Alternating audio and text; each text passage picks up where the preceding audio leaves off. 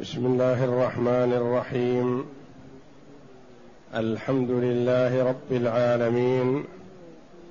والصلاة والسلام على نبينا محمد وعلى آله وصحبه أجمعين. وبعد. سب الله آية واحدة. أعوذ بالله من الشيطان الرجيم. يا أيها الذين آمنوا إذا جاءكم المؤمنات مهاجرات فامتحنوهن. الله أعلم بإيمانهن. فإن علمتموهن مؤمنات فلا ترجعوهن إلى الكفار. لا هن حل لهم ولا هم يحلون لهن وآتوهم ما أنفقوا ولا جناح عليكم أن تنكحوهن إذا آتيتموهن أجورهن ولا تمسكوا بعصم الكوافر واسألوا ما أنفقتم وليسألوا ما أنفقوا. ذلكم حكم الله يحكم بينكم والله عليم حكيم.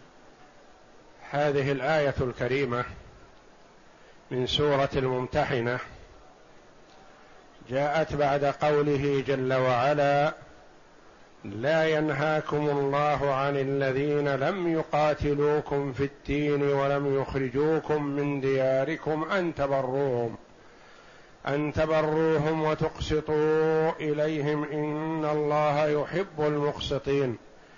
إنما ينهاكم الله عن الذين قاتلوكم في الدين وأخرجوكم من دياركم وظاهروا على إخراجكم أن تولوهم. ومن يتولهم فأولئك هم الظالمون. يا أيها الذين آمنوا إذا جاءكم المؤمنات مهاجرات فامتحنوهن. الآية هذه الآية الكريمة نزلت بعد صلح الحديبية الذي جرى بين النبي صلى الله عليه وسلم وبين سهيل بن عمرو نيابة عن كفار قريش.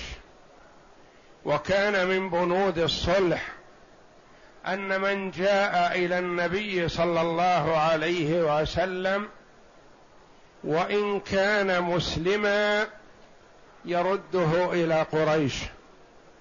ومن جاء من عند النبي صلى الله عليه وسلم إلى كفار قريش لا يردونه إلى النبي صلى الله عليه وسلم.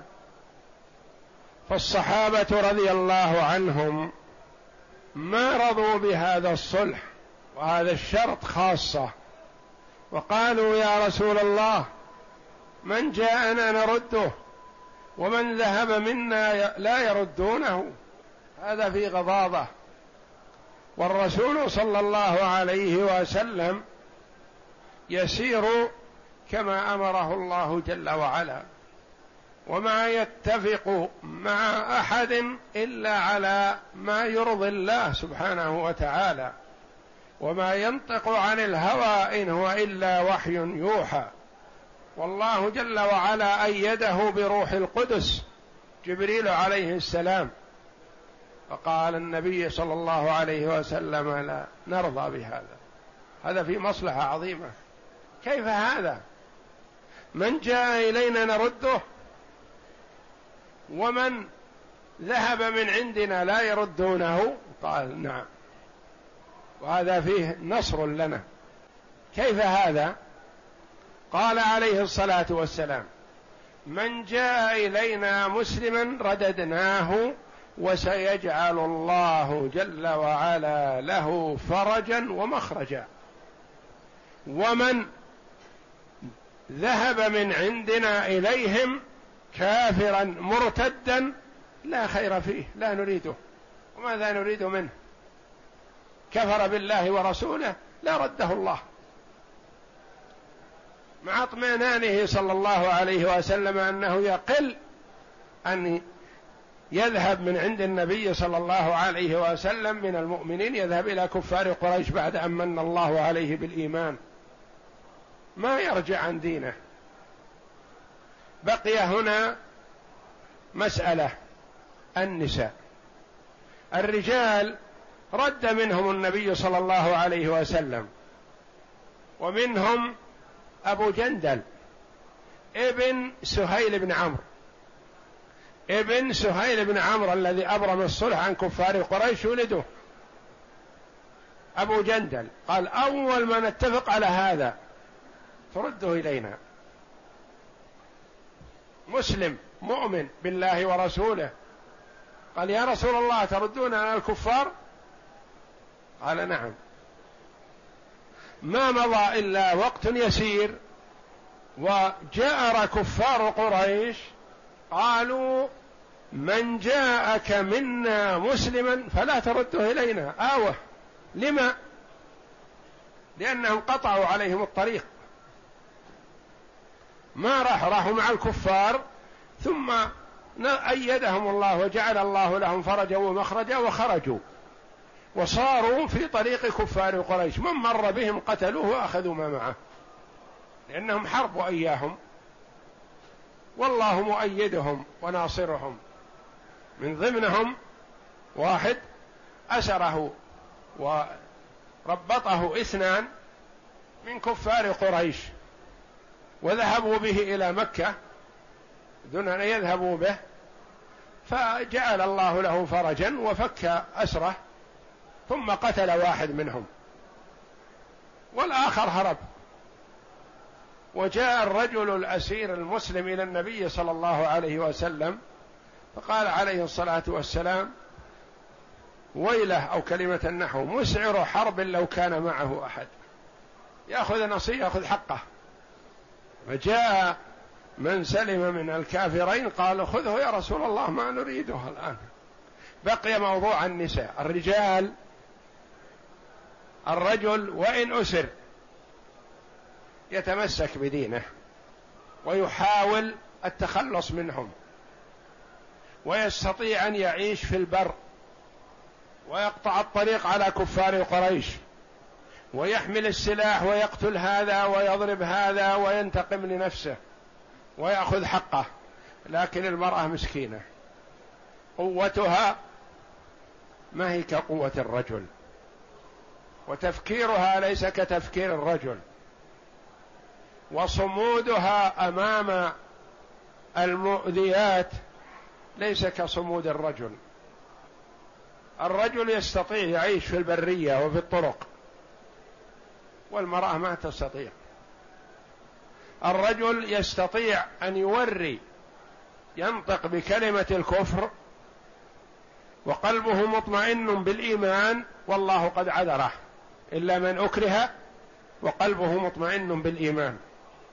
المرأة ما تستطيع هذا ما تستطيع التخلص. المرأة قد تكون زوجة كافر ما يصلح أن تكون تحته ولا يستمتع منها بشيء وهو كافر وهي مسلمة. فبقي موضوع النساء. وقد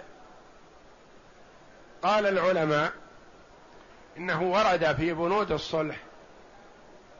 من جاءك من رجل أو امرأة يرد إلينا. أو من جاء من الرجال يرد إلينا. أو من جاءك منا يرد إلينا. فالخلاف هل فيه نص على النساء مع الرجال؟ أو الذكر للرجال خاصة أو الذكر لكلمة أحد الذي هو يشمل الرجل والمرأة. جاءت أم كلثوم بنت عقبة ابن أبي معيط رضي الله عنها وأرضاها.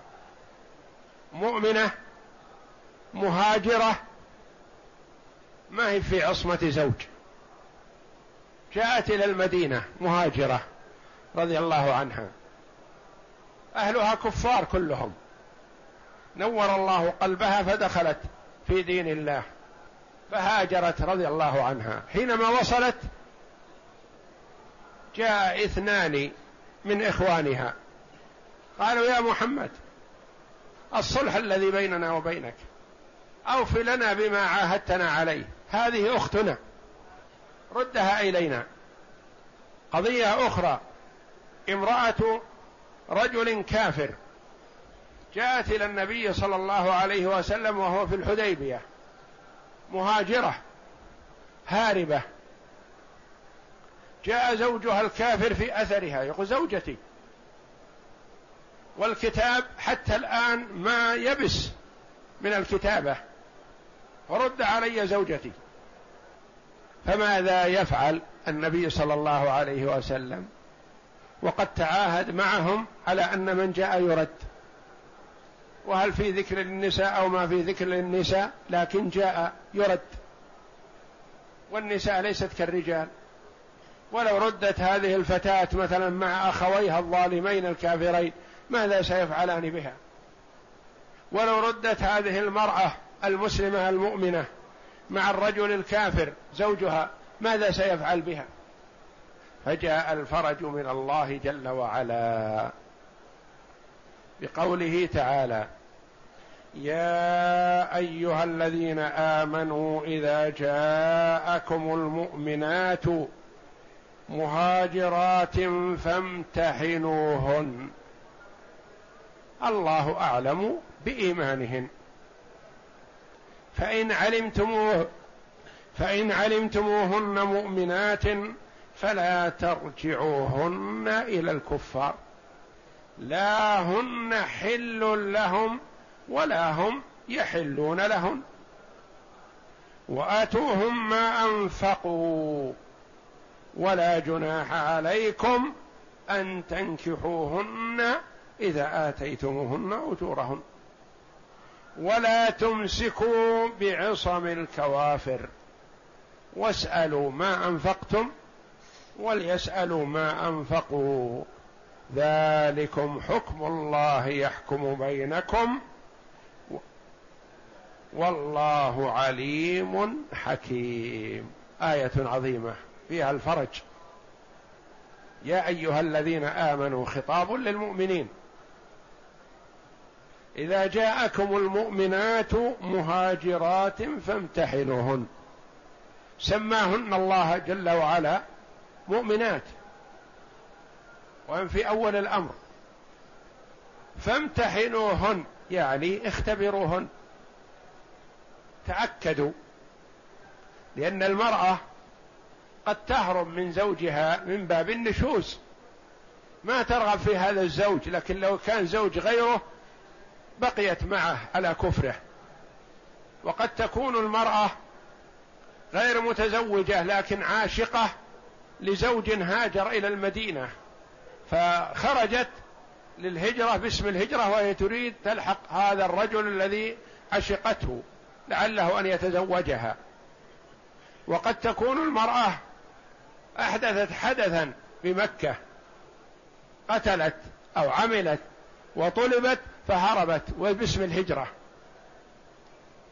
وقد تكون وقد تكون المرأة لكن امتحنوهن. انظروا الصادقة من الكاذبة. فامتحنوهن. الله أعلم بإيمانهن. يعني أنتم ما تدرون عما في القلب. وإنما امتحنوهن في الظاهر لكم الظاهر فقط. ما قال جل وعلا فامتحنوهن فقط امتحنوهن الله أعلم بما في قلوب. أنتم هذا ليس إليكم. القلب ما يدرى عنه. وإنما لكم الظاهر. ولهذا المسلم والمنافق في الأحكام الدنيوية على حد سواء. لأن ما يدرى ما في قلبه. ومنافق في الدار الآخرة في الدرك الأسفل من النار. لكنه في الدنيا مثل المسلمين له ما لهم وعليه ما عليهم لأنه ما يدرى ما في قلبه. لا يعلم ما في القلوب إلا الله. فامتحنوهن اختبروهن اسألوهن حلفوهن. فامتحنوهن الله أعلم بإيمانهن. فإن علمتموهن يعني ظهر لكم. وهذا ظن. والظن أحيانا يقوم مقام العلم لأن العلم بما في القلوب هذا مستحيل على ابن آدم على الناس في الدنيا. ما يدرى ما في قلب. لكن يظن فيه الخير. من أظهر لنا خيرا ظننا به الخير. فإن علمتموهن مؤمنات فلا ترجعوهن إلى الكفار. لا ترجعوها هذه الزوجة هربت من زوجها زوجها كافر وهي مؤمنة. تقول يا رسول الله ترجعني إلى الرجل الكافر. وأم كلثوم بنت عقبة بن أبي معيط أخواها الوليد وعمارة اثنان جاء إلى المدينة يطلبانها وهي فتاة. يقول أختنا سلمنا إياه هم كفار وهي مؤمنة. فلا ترجعوهن إلى الكفار. الرجل رجعوه. سيجعل الله له فرجا ومخرجا. يخلص نفسه. المرأة ما تستطيع. فرق بين الرجل والمرأة. ودعاة تحرير المرأة يظلمونها. لأنهم يريدون أن تكون مثل الرجل. ولا ما تصير. ما تستطيع تكون مثل الرجل. الله جل وعلا ركبها على هذه الطبيعة. لو كانت مثل الرجل ما استفاد الرجل منها وما استفادت هي من الرجل. فالله جل وعلا جعل الرجل على هذا الشكل وهذه الطبيعة وهذه القوة وجعل المرأة على هذا الشكل. ليستفيد أحدهما من الآخر. كل واحد يستفيد من الآخر. الرجل يستفيد من المرأة بهذه الصفة وأنوثتها. والمرأة تستفيد من الرجل لأنه ليس كهيا. وتستفيد منه. المرأة لا ترغب أن تنكح رجلا فيه شبه من النساء. ما تريده. والرجل لا يرغب أن ينكح امرأة مترجلة مع الرجال. فهم يظلمونها يدعون إلى تحريرها وإلى إلحاقها مثلا بالرجال ومساواتها بالرجال وما يصير. المرأة تحيض وتحمل وتولد. تصير مثل الرجل. والرجل يقاتل ويجاهد في سبيل الله ويكر ويفر مع الأعداء ويحكم وينظر في القضايا والأمور. المرأة ما تستطيع. جبلته غير جبلة الرجل. وإن اشتركا في الآدمية لكن هذه امرأة وهذا رجل. فالمرأة تسب إذا كانت مترجلة وتذم والرجل يذم إذا كان فيه أنوثة. فلكل طبيعته التي ركبه الله جل وعلا عليها. فظلم للمرأة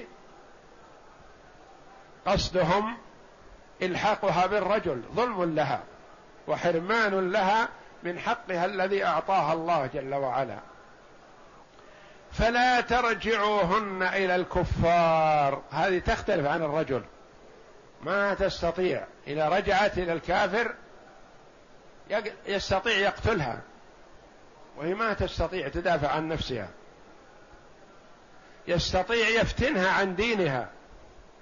يتحكم فيها وهي ما تستطيع أن تتحكم في الرجل. فلا ترجعوهن إلى الكفار. لا هن حل لهم. هي ما تحل له. ما دام كافر ما تحل له. ولا يجوز أن يفترشها. ولا أن يستمتع بها. لأنها مسلمة وهو كافر. ولا هم يحلون لهن. لا حاضر ولا مستقبل. ما واحد يصلح للآخر. وآتوهم ما أنفقوا. الإسلام ما ينقض الصلح. ولا خيانة. ولا غدر. وإنما يزيد الأمور إحكاما وتوكيدا. حتى مع الكفار. بينك وبين بين المسلمين وبين الكفار صلح يحافظ عليه الإسلام وينهى عن الخيانة والغدر إلا بعد منابذة الكفار بأنه ما بيننا وبينكم عهد. ظهر منكم الخيانة فليس بيننا وبينكم عهد. لكن ما نختلهم أو نغدر بهم لا. وآتوهم ما أنفقوا. الرجل الكافر الذي جاء خلف امرأته مسرعا يريد أن يقبض عليها قال الرسول عليه الصلاة والسلام تعال كم أنفقت عليها؟ خذ نفقتك كاملة مهرك ونفقتك عليها خذها وهذه منا ولا ترجع إليك. أم كلثوم بنت عقبة بن أبي معيط ما أنفق عليها شيء. الذي جاء يطلبانها أخواها. أخواها ما تشترى من أخوتها. هي تملك نفسها. لو جاء زوج أنفق عليها ريال أو جنيه أو غيره أعطي إياه. ولا هم يحلون لهن وآتوهم ما أنفقوا. أعطوهم ما أنفقوا وفرقوا بينهم. فرقوا بين المؤمنة والكافر. فإذا اعتدت وتمت عدتها لا تقولون هي مزوجة لها زوج في مكة لا انتهت العلاقة. ولا جناح عليكم أن تنكحوهن. تنكحوهن. بالمهر الذي دفعتم لزوجها؟ لا. المهر الذي دفع لزوجها من بيت مال المسلمين. لتحرر. لتسلم من رق الكافر. فمن رغب فيها فليدفع لها المهر المناسب ويتزوجها. فهذه أم كلثوم بنت عقبة بن أبي معيط رضي الله عنها تزوجها زيد بن حارثة حب رسول الله صلى الله عليه وسلم. ثم طلقها وتزوجها عبد الرحمن بن عوف وأنجبت منه ولدين. ثم توفي عنها عبد الرحمن بن عوف رضي الله عنه. ثم تزوجها عمرو بن العاص رضي الله عنه. وماتت في عصمته رضي الله عنها وأرضاها. تسابق إليها الأخيار لإيمانها. تعاقب عليها الثلاثة الخيار من هذه الأمة رضي الله عنهم. المرأة التي جاءت في صلح الحديبية وزوجها الكافر يركض وراءها بعدما تمت عدتها تزوجها عمر بن الخطاب رضي الله عنه. ما تركوها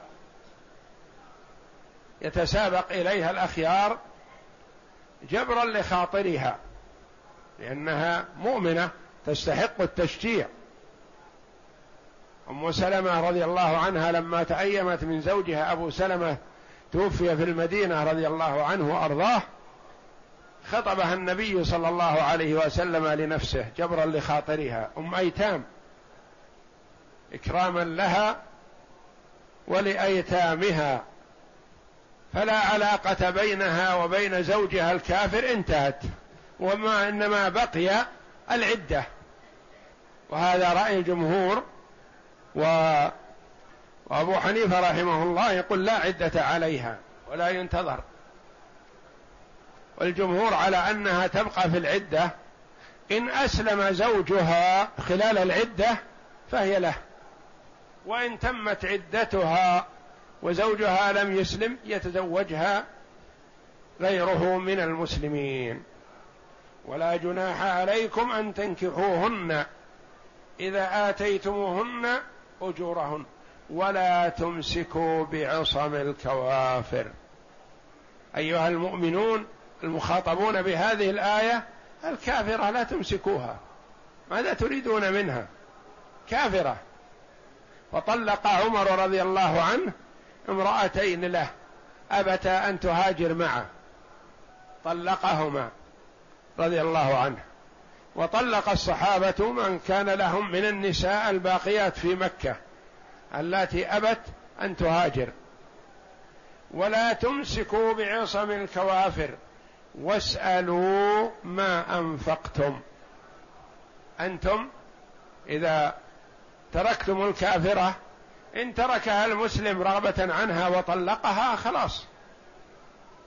وإن كان له فيها رغبة والكفار أخذوها فيدفعوا له ما أنفق. هذا الحكم من الله جل وعلا. المؤمنون قالوا سمعا وطاعة لله ورسوله. أعطوا أزواج النساء المؤمنات أعطوا أزواجهن الكفار ما أنفقوا. وطلبوا ما لهم فرفض الكفار. قالوا ما نعطيكم. المؤمنون رضوا بحكم الله. أعطوا أزواج المؤمنات من الكفار ما أنفقوا. الكفار ما أعطوا المؤمنين عن زوجاتهم الكافرات. قالوا لا أنا ما نرضى بحكم الله. أمر الله جل وعلا رسوله صلى الله عليه وسلم أن يعطيهم يعطي المسلمين الذين تركوا أزواجهم الكافرات وتزوجن بالكفار في مكة من الغنائم. واسألوا ما أنفقتم وليسألوا ما أنفقتم حكم الله جل وعلا. لأنها تختلف الحال من المرأة إلى الرجل. يحكم بينكم والله عليم حكيم. عليم بما يصلح عباده جل وعلا بما يناسب للرجال وما يناسب للنساء.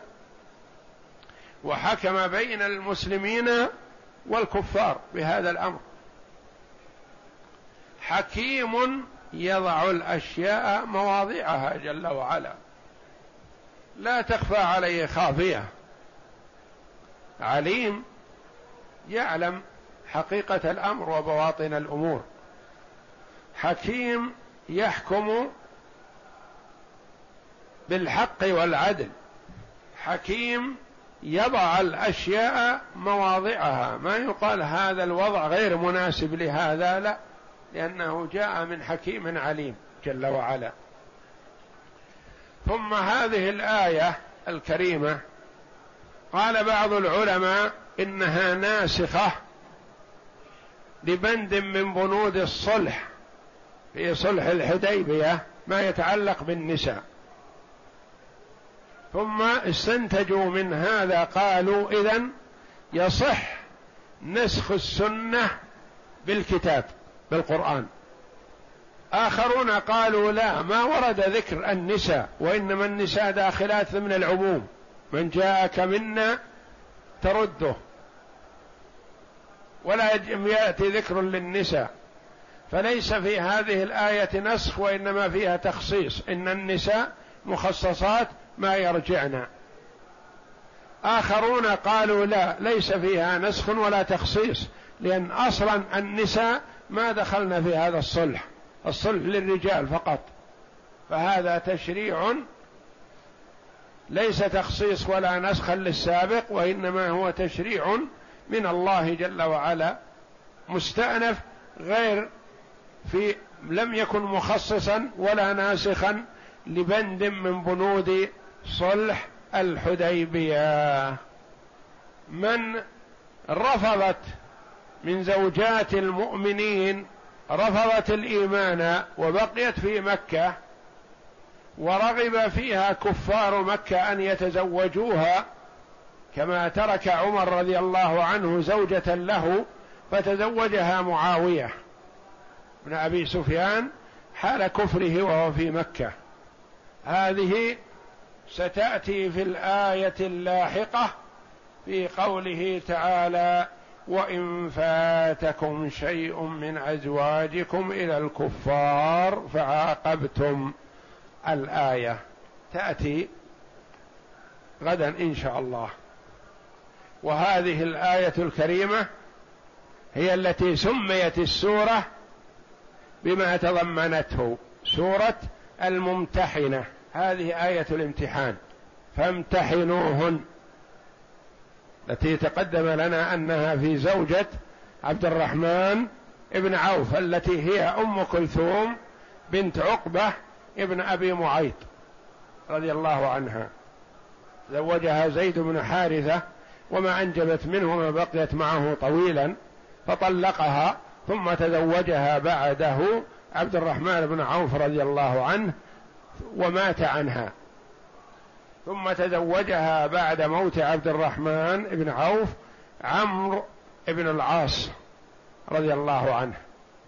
والامتحان قيل إن النبي صلى الله عليه وسلم فوض الأمر إلى عمر فكان يستحلفها أنها ما خرجت فرارا من زوجها وما خرجت بغضا لزوجها وما خرجت في عشق رجل من المهاجرين وما خرجت رغبة عن بلد إلى بلد يعني ما تريد مكة تبي المدينة.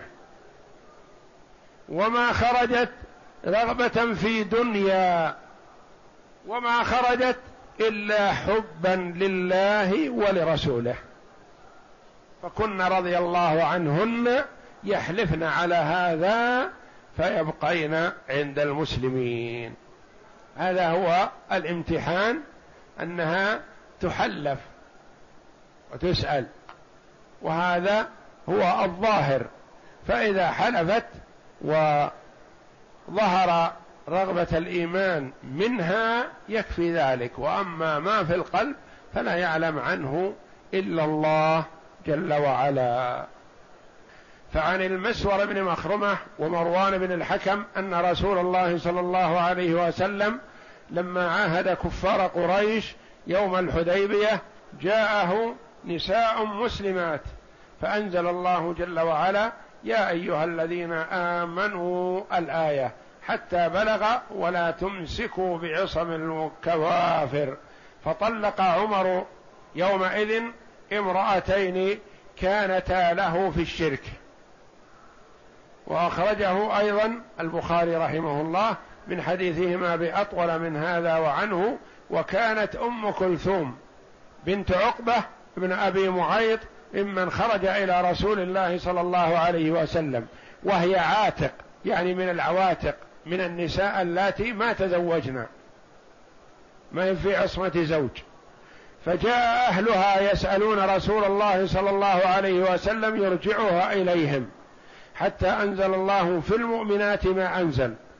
وقد اختلف فيما كان يمتحنهن به فقيل كان يستحلفهن بالله ما خرجن من بغض زوج ولا رغبة من أرض إلى أرض ولا لالتماس دنيا بل حبا لله ولرسوله ورغبة في دينه. فإذا حلفت كذلك وأعطى أعطى النبي صلى الله عليه وسلم زوجها مهرها وما أنفق عليها ولم يردها إليه.